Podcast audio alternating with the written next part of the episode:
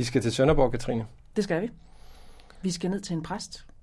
Lis Ann Rotem, som er virkelig et intenst bekendtskab. Altså for alt fra den måde, hun kører bil på, og så til sådan, øh, den der sådan, øh, umiddelbarhed, der bare er i hendes måde, altså både at snakke på og spille til. Virkelig sådan... Der bliver altså kaldt på Gud og djævlen, Ja. når hun snakker.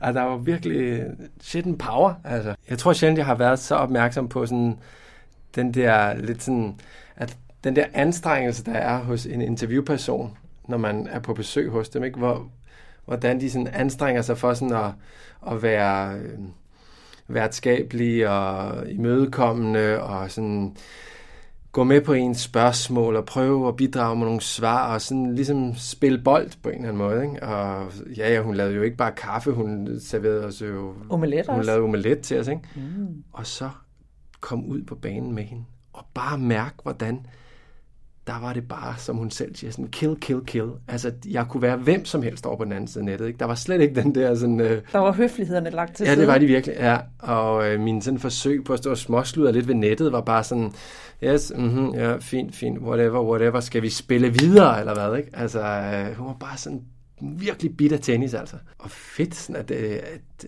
at mærke den ild, fordi den også smitter lidt, synes jeg. Ja. Skal vi ikke bare komme afsted med det tog med det samme? Jo. Fordi det var den måde, vi kom derned på, og hvor var det dejligt. Ja, det var fedt. Ja. Ding dong. Men inden vi gør det, så synes jeg lige, vi skal øh, give et øh, shout-out til Dansk Tennisforbund. Ja, for igen at have sendt os på tur. Næste station, Sønderborg. Toget kører ikke videre. Vi håber alle har haft en behagelig rejse. Det hænger sgu sammen i Danmark. Altså når man kan tage fra København til Sønderborg på 3,5 timer, bare i et stræk, og sidde og forberede sig og spise, og det er fedt, synes jeg.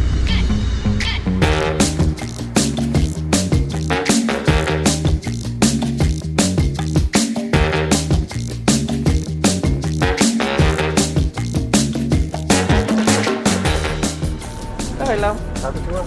Tak, god dag. Hej, hej. Tak. Der står hun jo. Goddag, Lisan. Hej, velkommen til det sønderjyske.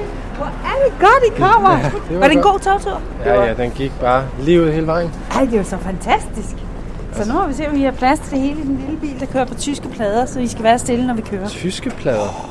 Nå, på Slesvig. Hvad er det for noget fusk, Lisan? Um, det er fordi, jeg er mellem biler. I'm in between cars. okay. Nogle er in between men. I'm in between cars. så øh, så øh, min tidligere pressekollega fra Sydslesvig, han har jo så sin bil stående her. Og så siger han, du kan låne min den tyske, siger han så. Mhm. Så jeg, ja tak, og nu er det bare blevet en sovepude, for nu gider jeg ikke koncentrere mig ordentligt om at finde en bil, vel?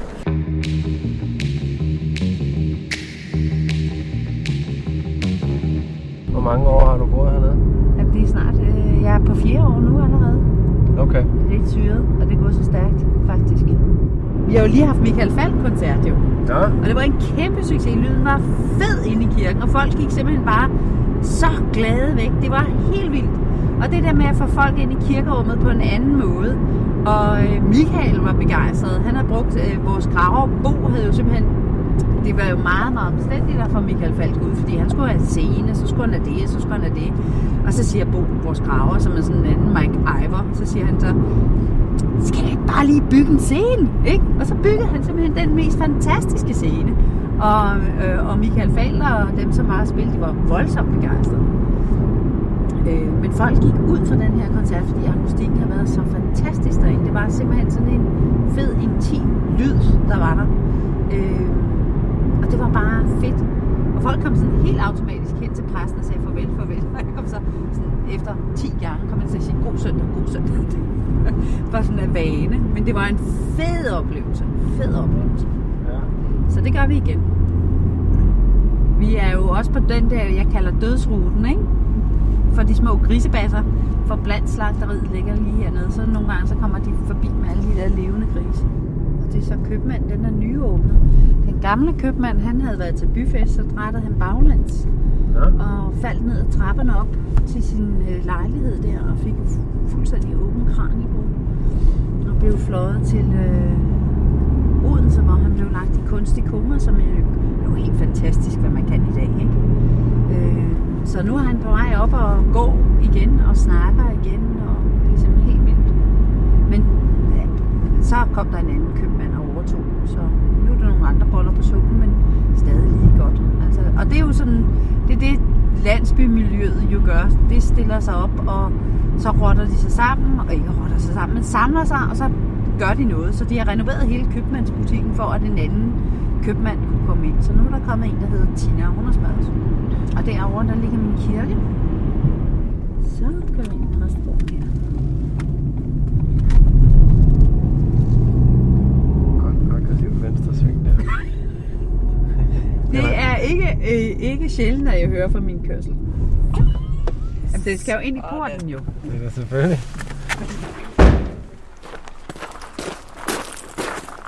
Og jeg har lige fået ravet alle træerne ned, så tag, altså, se lige den udsigt. Er det ikke? Flot det træ, der står tilbage. Ja. De vil have fældet det. Hvad er det for træ? Poppel. Og hernede er poppel åbenbart sådan noget. Fy, fy. Det gider vi ikke have. Nå. Men, øh, men det er et flot træ, ikke? Så kom indenfor. Tak. Skal I lige lande have noget at drikke noget kaffe eller et eller andet? Det lyder da dejligt. Meget gerne. Ja, flot. Ja. Moderne kunst på væggene, og er der selv, der har indrettet? Ja, det er jo alt sammen genbrug. Altså, jeg skulle selv indrette præstegården, og det har jeg jo ikke råd til som enlig mor, vel? Så, øh, så bliver det lidt... Øh, så bliver det genbrug, og det er også fint nok.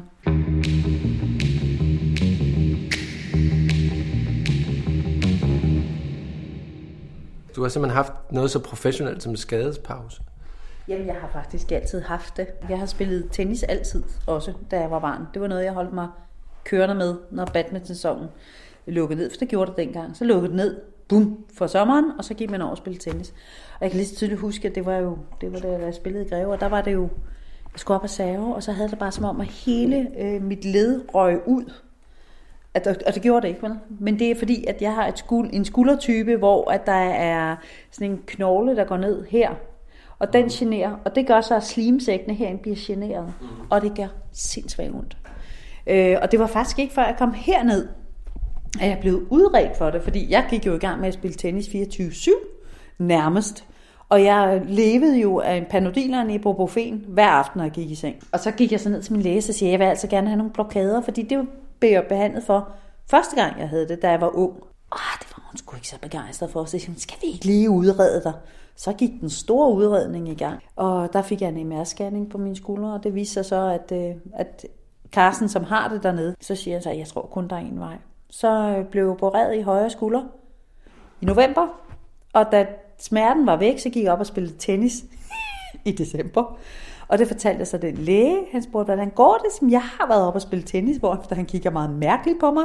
Og så tænkte jeg, okay, måske skulle jeg bare vente, ikke? til der var gået tre måneder efter operationen med at ligesom gå i gang med at spille tennis. Og så fik jeg så operationen i februar, så jeg har været sat fuldstændig ud at spille, ud af tennis. I den anden skulder. Ja, i venstre. Det var så den, der var, det var den, der var værst, for den har kompenseret for den højre. Så den var fuldstændig flosset her. Hvor lang tid var det? Et år, du var... Ude at spille et år, simpelthen. Hvad, hvad erstattede du det med? Ingenting. ingenting. Ingenting, simpelthen ingenting. Jeg tror bare, at jeg satte mig ned, og så havde jeg ondt af mig selv. Det var, jeg var i en sink med min krop, inden jeg blev opereret. Så nu skal jeg bare en sink igen. Altså, lige nu er den skubbet lidt væk.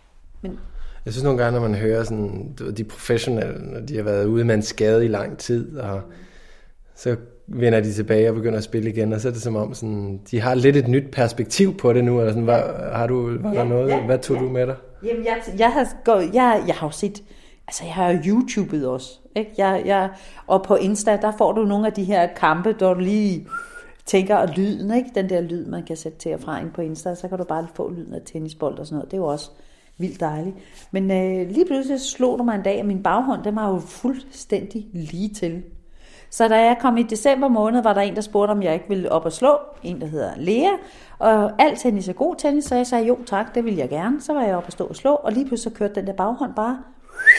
Jeg tænkte, hold kæft, nu kan du din baghånd. Altså, du har lært det på Instagram eller Nej, nej, jeg har bare lært det inde i mit hoved, fordi at jeg hele tiden bliver ved med at lave den der bevægelse ind i hovedet. Du skal siden til, du skal ned i knæene, du, altså, og, og du skal have den der, øh, du ved, du står som sådan en, øh, en svane, der folder sine, sine fjer ud, eller sine vinger ud, ikke, når du har slået det her slag.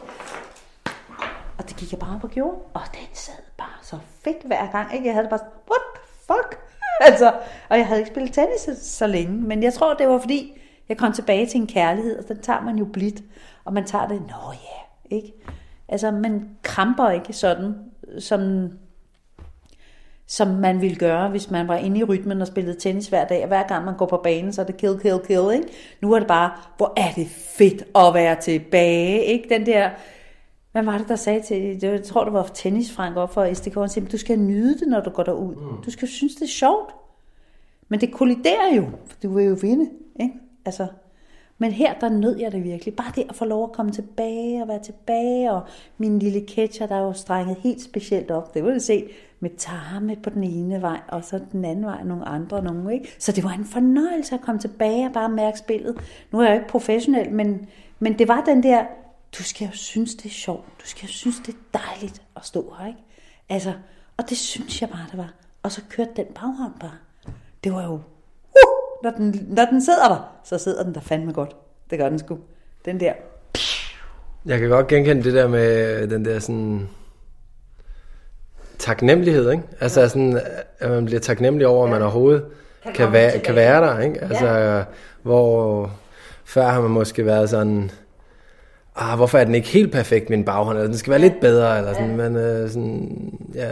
Vær glad for, at du stå her, du kan det her igen, ikke? Altså, fordi at det er sådan en stor kærlighed til den sport, altså at, jeg er tilbage, jeg er tilbage, det er jo min yoga, ikke? Altså det er jo der, hvis jeg forsvinder væk, så, har jeg, så er der gået en halv time, så aner jeg ikke, hvor jeg er, fordi at jeg er bare forsvundet væk i, at min hjerne opererer sådan, at hvis jeg ikke siger, long line der, long line der, siger det ind, så går jeg, nej, du skal også handle ind, du skal også gøre det. Hvis jeg ikke er fokuseret, så vandrer min hjerne, og så, kan jeg, så, ryger, så ryger alle slagene alle mulige steder hen. Ikke? Så man skal jo være fuldstændig til stede på banen, og det er jo fantastisk.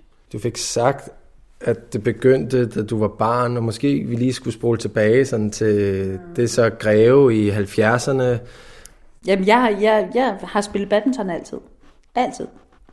Øh, og jeg tror, at det var, jeg startede med at gå sammen med min far, der spillede dobbelt. Det gjorde man jo dengang, det var meget populært på den lokale skole.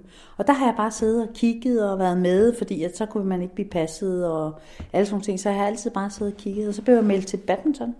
Så gik der ikke ret lang tid, så bankede jeg hele det etablerede, kom ind med min ketcher fra Bilka i 3, ikke? og så, så blev jeg klubmester, i, kom fra Tjørnlyskolen og spillede der, og har aldrig fået egentlig sådan træning. Og hvad er du, 7, 8, 9, 10, hvor gammel er du? Jeg tror, jeg er 9 år eller sådan noget, ja. banker helt øh, pivt. og så måtte jeg godt få en ny ketcher af min mor, men ellers havde jeg ikke fået en ny ketcher, fordi at hun synes efterhånden, det var 13, jeg havde deltaget i så mange forskellige sportsgrene og jeg altid skulle have udstyr. Jeg var spejder en dag, og så ville jeg ikke det mere. Så nu måtte jeg godt få en ny ketcher.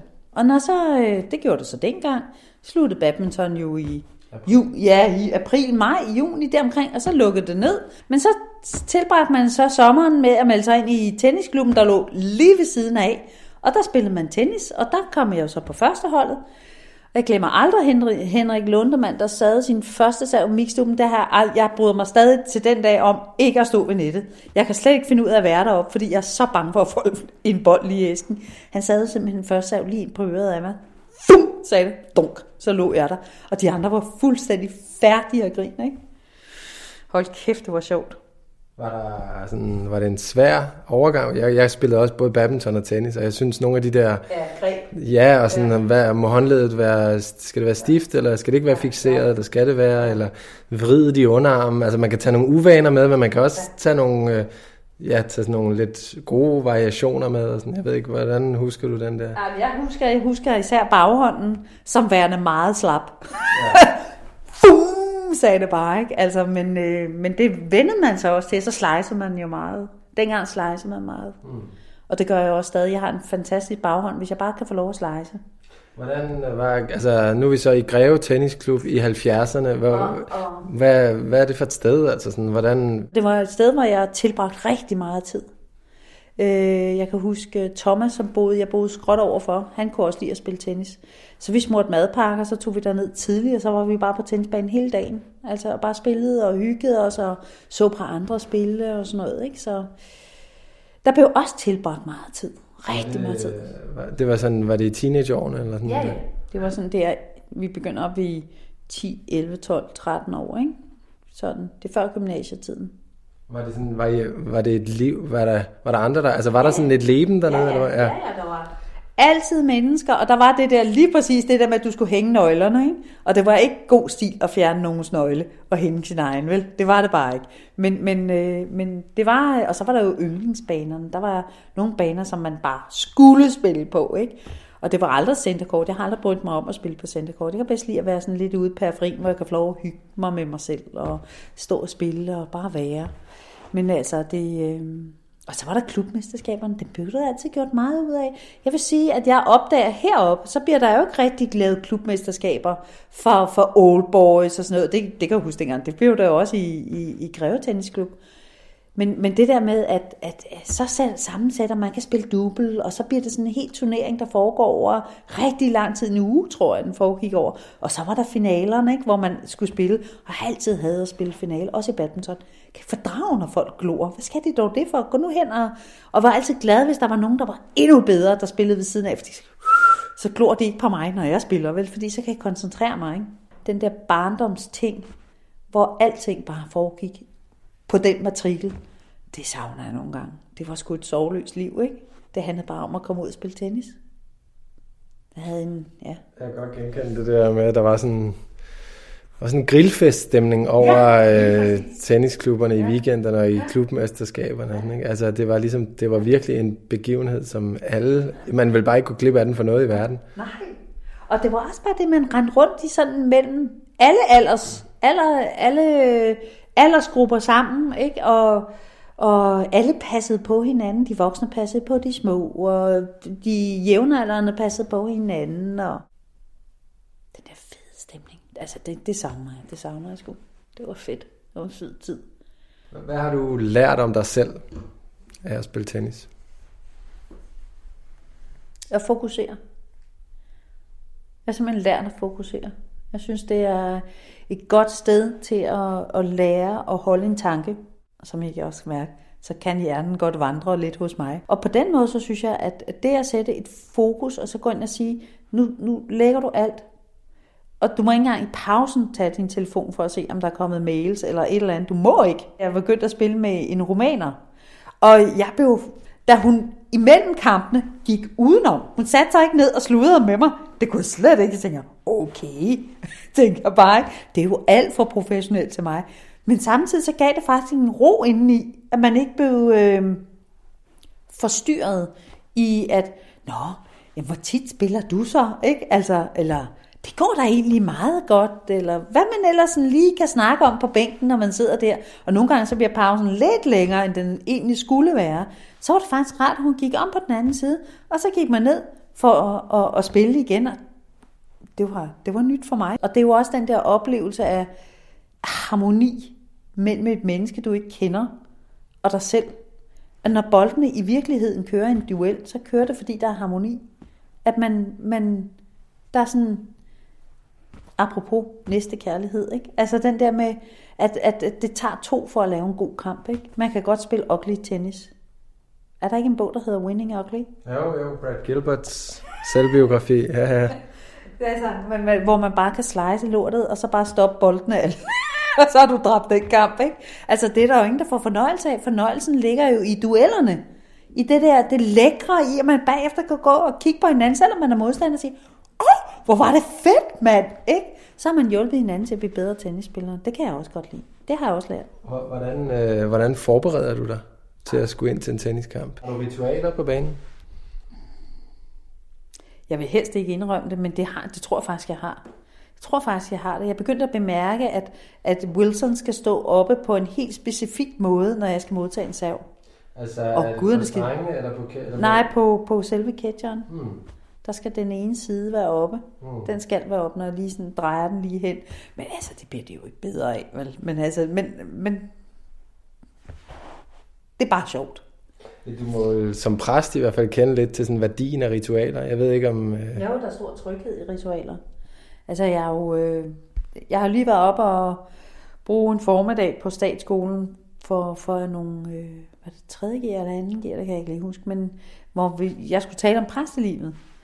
Og der fortalte jeg altid, at øh, da jeg var hospitalspræst, også faktisk mens jeg er korsherrespræst, men da jeg var hospitalspræst, der kom op til folk, som lå og skulle dø, så hvis man, man ved aldrig, hvilket rum man går ind i, for eksempel. Og, og der er det faktisk meget rart at komme ind og sige, goddag, goddag, jeg er præsten.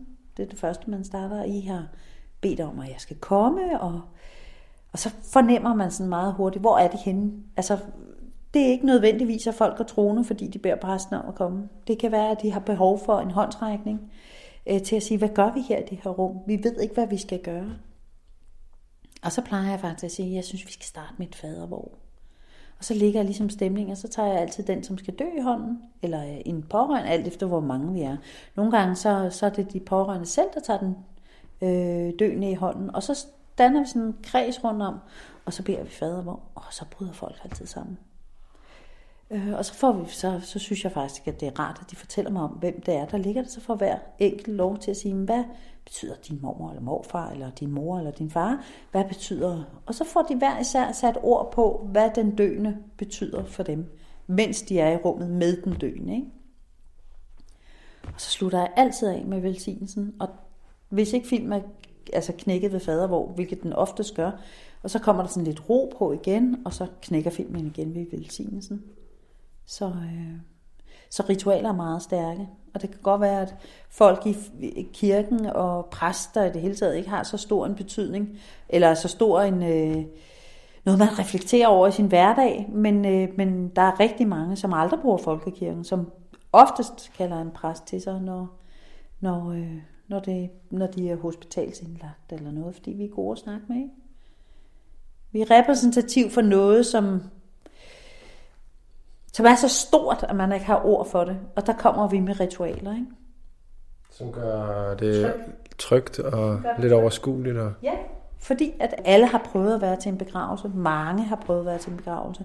Nogle har været til bryllup og alle sådan nogle ting. Ikke? Altså, når, jeg, når jeg har bisættet over min kirke i det her, i det her sovn, så er der jo folk, jeg øh, siger, skal begrave, som, som er blevet øh, videt og døbt og konfirmeret den her kirke. Og så får tiden sådan et syret, syret perspektiv. Ikke? Fordi hvis man, hvis man kunne ligesom en film vende sig om og se dem som børn, til de bliver gift, til de øh, kommer med deres øh, børn og skal døbe dem, og nu, når de skal dø, dø ikke? det vil jeg jo ønske, at man kunne. Det kan man jo ikke, men man kan forestille sig det. Ikke? Så ritualer har en... Øh, også, nu er jeg jo korsagspræst, blevet korsagspræst, i stedet for sygehuspræst. Øh, og med, med de mennesker, som er i det regi, de er jo slet ikke Guds forskrækket. På nogen måde. Så hvis man beder en bøn med dem, så knækker filmen for dem. Fordi at der er noget, der bliver overladt til noget større. Og jeg tror, når man går på en tennisbane og har nogle ritualer, så overlader man også noget til noget større, når man gør det. Altså prøv at se Nadal, ikke? inden han nogensinde er færdig og skal save. Hvad er det for nogle ritualer, han er gået i gang med? Ikke? Altså, dang, dang, dang, dang. Ikke? Det er jo helt vildt. Ja, og der er noget over det der... Eller jeg kan huske, at jeg til at begynde med at tænke sådan, tror han virkelig, at det... Ja, altså sådan, man tror, det er overtro, ikke? Eller jeg har troet sådan... Men jeg er ikke sikker på, at det faktisk er overtro. Jeg tror ikke, det er, fordi han tror, at, at han vinder, hvis han gør det. Og sådan. Jeg, jeg tror mere, det er sådan... Jeg kan huske, at jeg læste Andre Agassi's selvbiografi, ja. og der er sådan en beskrivelse af det der med at stå nede på banen i en tenniskamp. Hvordan en tenniskamp bare er sådan et kaos af et virvar, jeg tror han bruger en malstrøm, ikke? at man står bare der, og det hele virvler rundt om ørerne på en, og ind i hovedet på en, og man har bare brug for nogle holdepunkter. Øh, og der kan det der med at stille vandflaskerne diagonalt over for hinanden, og sætte håret om bag øret og nive sig i bag, bagenden, inden man server, altså det kan, det kan måske være de der ufravigelige holdepunkter, som uanset om man tror på dem eller ej, altså også ligesom når du beskriver det der med, at når du kommer ind på sådan en hospitalstue, uanset hvad deres forhold til kristendom eller Gud er, så, så, så giver fader hvor et eller andet holdepunkt, en tryghed, ja. eller sådan, som gør, at man kan... Trække vejret igen. Ja. Og, og slappe af. Altså, Men det er, det er jo ritualer, uanset om det handler om Gud, eller om, om det handler om at, at, at gøre sådan nogle ting, eller om hvor mange gange man bouncer, bouncer den der tennisbold op og ned. Altså, hvad hedder hun, hende der fra England? Hun står sådan her med hånden. Ja, det ser helt vildt ud. Ja. Og man har jo bare lyst til at løbe ind i skærmen, klappe han i papper hovedet og sige, get on with it! Ikke? Altså, man bliver virkelig aggressiv, ikke? fordi det ser så dumt ud. og ja, lige præcis. Uh, det er simpelthen... What? Men det kan jo være, det er det, hun gør lige præcis til at komme ned i kroppen og lande nu du her. Væk med den tanke om, at hvad, var der, hvad hvis jeg ikke vinder den her? Hvor et eller andet, ikke? Altså, der er jo kæmpe pres der. Men det er der jo også, når man skal tage afsked med et, et menneske, man elsker, så er der også et, et rum, man aldrig øh, sådan tænker over, man vil komme i igen og igen, fordi at vi glemmer det jo, øh, hvordan afsked kan være. Men også, øh, hvordan afmagt i det hele taget er. Ikke? Og man bliver jo måske jeg ved ikke, om jeg vil bruge afmægtig på en tennisbane, det synes jeg sådan set ikke. Men, øh, men, men det er, jeg tænker, når jeg skal modtage en sav, hvor jeg virkelig, virkelig spiller for noget, der er på spil, så må det tegn på tennisketcheren bare godt lige vende den vej. Helt rigtigt. Fordi så, så, så er det der. Om det er derfor mit slag, det bliver godt, det tror jeg ikke på. Altså, men det, det, det, det er måske meget rigtigt sagt, det der andet, så man kommer i fokus. Har du, andet, egentlig, sådan, har du andet på banen noget i forhold til vejrtrækning, eller har du andre, er der andre måde, ting, du gør for ligesom at komme ned i din krop? Eller, eller? Jeg vil gerne have alle boldene på mig, når jeg skal save. Som i alle boldene på mig. Dine lommer er fyldte? Fuldstændig til bristepunktet. hvad, går det, hvad går det ud på? det ved jeg ikke. De skal bare være der.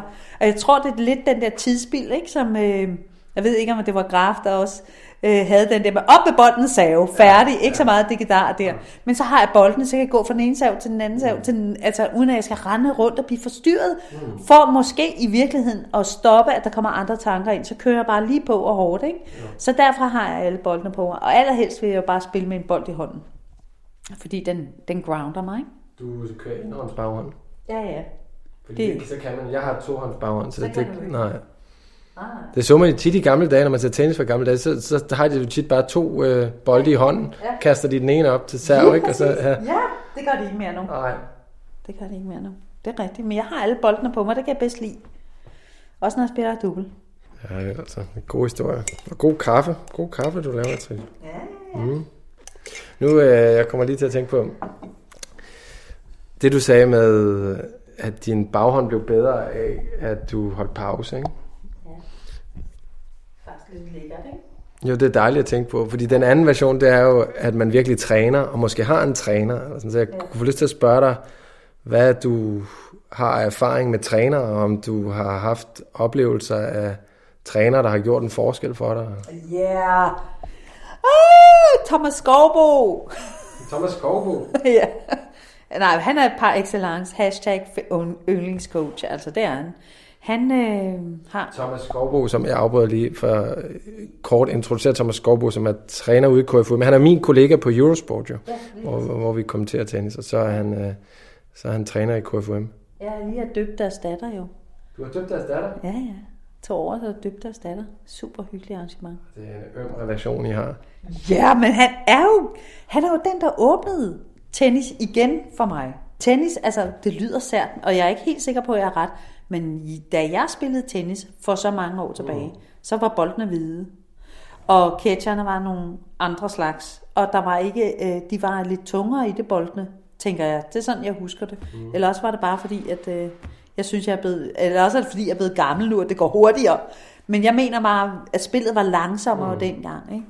Ikke? Øhm, og når jeg så kommer nu med min store catcher og laver et sving, der går hele vejen om fra det ene øre og om hele vejen rundt, og så ryger bolden jo af helvede til. Så ja. han korrigeret.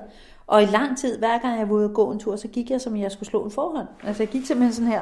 Og det går jeg, nu er jeg begyndt på på baghånden nu også, ikke? Så gik jeg sådan her. Ja, ja. Okay. okay. Det var meget sært, men lige hvor jeg begyndt at gå sådan ja. der. Sådan der, fordi det er jo bevægelsen, du skal have ind i kroppen, ikke? Gå og spille lufttennis. Ja, lige præcis. Lige præcis. Men det var han, øh, han var bare god til at ikke at demotivere. Han gik ikke, han sagde ikke til mig, hvad du, jeg synes, skulle du, er, skulle du ikke prøve at spille golf i stedet for, eller et eller andet. Det gjorde han ikke, han demotiverede ikke. Han, Han nørsede det, han godt kunne se i mig, og det er jo en egenskab at have det. At der er her, der er en passion. Jeg får virkelig lyst til at se den forhånd i aktion, Lisanne. Ja, Men det kan være, at vi skal så småt til at bevæge os øh, mod tennisbanerne. Vi skal ud og spille med hinanden jo. Ja, ja, det bliver dejligt. Ja, det bliver godt. Det er jo det, jeg glæder mig mest til. Skal vi pakke sammen? Kom afsted?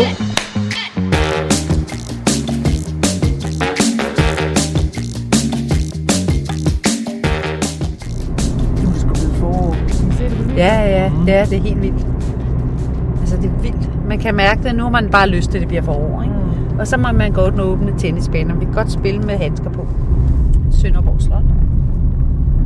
Har meget smukt. Jeg kan slet ikke forstå. Jeg kan simpelthen med bedste vilje ikke forstå, at folk kalder det udkants Danmark. Jeg synes jo, Vestjylland er udkants Danmark. Det her, det er jo forstaden til Europa. Bum. Har en halv time, så er downtown Flensborg, ikke? Tennisanlæg. Det er nemlig rigtigt.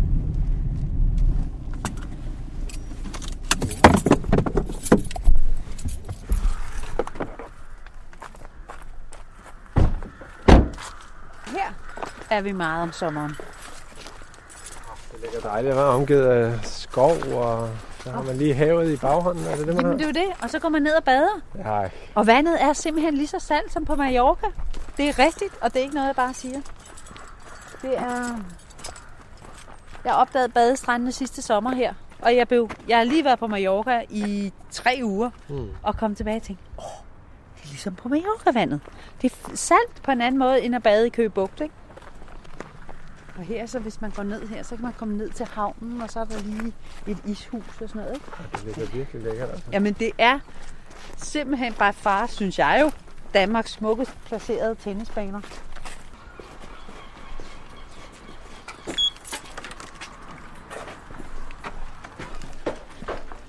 Så.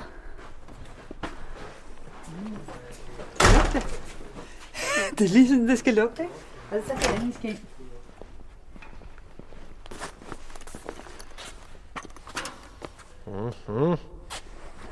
Nå.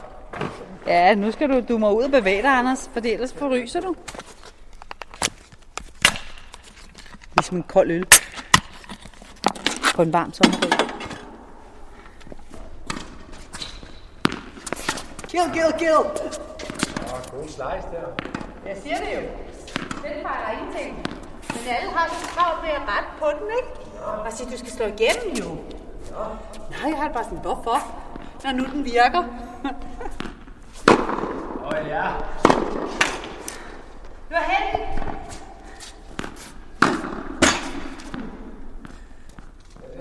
Du har sådan en uh, toppet baghånd, ligesom der minder mig om Sabatini. Ja. En flot enhånds baghånd. Stort anlagt. Oj. Åh, det er godt hentet. Fortæl mig lige, når du har omkring din baghånd, ikke? Jo. Du, du kan jo både slicen og den toppede ret fint, kan jeg se. Ej, det er held. Hvornår, øh, hvornår vælger, altså, er der ligesom, hvornår gør du det ene, og hvornår gør du det andet? Du mener, at der skal være en tankevirksomhed med? Nej, nej, nej, jeg mener mere sådan, har, er der sådan dage, hvor du sådan ikke helt tør den, top den, og, Ja. og dage, hvor du sådan, eller hvad? Allerhelst vil jeg jo slice den hele tiden, men det får jeg at vide, det skal jeg jo ikke. Nej. Jeg skal kunne slå den igennem. Er det fordi, at øh, det trykker og slicen? Hvorfor vil du helst slice den hele tiden? Fordi det- Fordi det behersker jeg bedre i håndledet, Ja, ja. end jeg behersker det andet. Men jeg kan også godt mærke, at lige så snart, at den er der, så kan du mærke hele tilløbet, og, og den måde, du rammer bolden på, det er fedt. Så sidder den fedt jo. ja. Altså, boom. Det er mere tilfredsstillende, ikke? Jo, jo, jo, så er det en... Åh, Ja. altså, så... Men det, jeg synes, det er et svært slag inde i mit hoved, men jeg skal kunne det. Ja. Og det kan jeg også. Jeg løber ind i den. I, I virkeligheden skal du bare løbe ind i den, fordi så tænker du mindre. Ja. Og så svinger den hurtigt over. Ja, lige herude. En tiebreak. Ja, jeg skal lige save først, ikke? Jeg er her tennisintelligens op og ringe.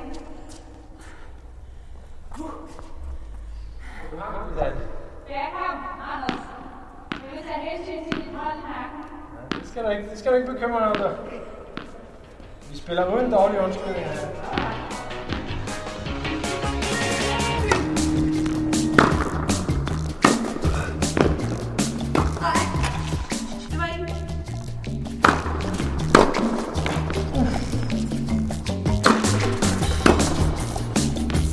Ah, det var også lidt.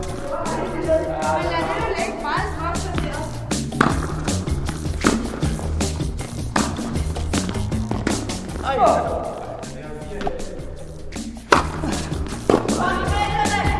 Jetzt ist aber Schluss.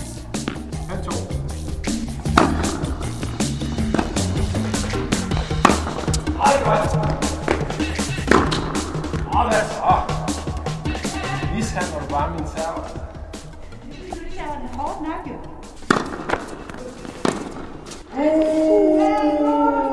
Uha. En led skruet serv gør arbejdet færdigt for ham. Tak for spillet, Lisa. Tak for det. Nå, hvad, hvad var din, øh, hvad, hvordan evaluerer du øh, indsatsen her? I nyt lys af ikke at være for hård mod sig selv, når man spiller tennis. Ja, Så synes jeg, at øh, jeg satser for meget. Ikke? ja. Altså i virkeligheden, det der øh, play it safe. Jeg kan huske, Frank han engang sagde til mig, han, sagde, han, han startede en bold, så siger han, løs det. Og så vil jeg altid løse det på den mest komplicerede måde. Ja. Og han blev ved med at sige, hvorfor? altså, bare over. Ikke? Ja, ja. Stille og roligt over med skidtet, og så vend på den anden laver fejl. Så, ja, men øh, til allersidst, så begynder jeg at have sådan lidt confidence. Det skal nok gå. På et eller andet tidspunkt, så kommer ja. den der intelligens tilbage. Og jeg er i stand til at spille en kamp. Så Det var sjovt, fordi du øh, sagde der, da vi snakkede tidligere, det der med, at du altid tænkte long line, eller op ad linjen, Ja. op ad linjen. Ja. Hvilket jo, synes jeg i hvert fald, er det et af de sværeste slag at slå. Ja. Fordi det er derude nettet er højst, det er Ja. derude banen er kortest. ja, Øh, men jeg kan godt genkende lidt det der med, at hvis der er et eller andet, som er svært og som driller, Ja. så er det det, jeg skal vise hele verden, at jeg kan. Ja, jeg kan få den over der, ja. og nettet er højst. Ikke? Ja. Men altså, det lykkes jo også kun nogle gange, det slag. Ja. Jeg havde et slag, som jeg også øh, øvede med i KFUM, og det var simpelthen fordi, at alle ville jo serve min baghånd, fordi de havde jo luret, at hvis du bare så placerer den der, så det gælder, at man kommer inside out rigtig hurtigt på den der bold og kylde den long, long line. Ikke? Mm. Og de første 50, 20, 60 gange, man, så røg den i nettet, og Trisse Bøge siger, du skal bare blive ved, så lykkes det lige pludselig. Og det gør det jo. Ja. Så, så det er fint. Ja. Var det nok? Du er ivrig efter at komme tilbage. øh, Ja, det er at spille tennis nu. Ja, jamen, det er også rigtigt. Men nu er vores makker kommet. Vi skal jo snart have gang i en dobbelt her. Det her vi kommer til at forlade lytterne jo. Øh, det bliver ligesom sådan, kender det der sådan, øh, de der programmer, hvor, hvor de sådan lukker ned for programmet, men så kan man mærke, at det fortsætter, Ja, selv ja, efter kameraerne ja, er slukket. ikke? ja, Sådan, så, og det- ja. og det er lige præcis den stemning, vi forsøger at skabe her. Ikke? Sådan, og nu Ja. klæder vi om til den helt store dobbelt. Ja, og det er jo øh, øh, med livet som indsats selvfølgelig.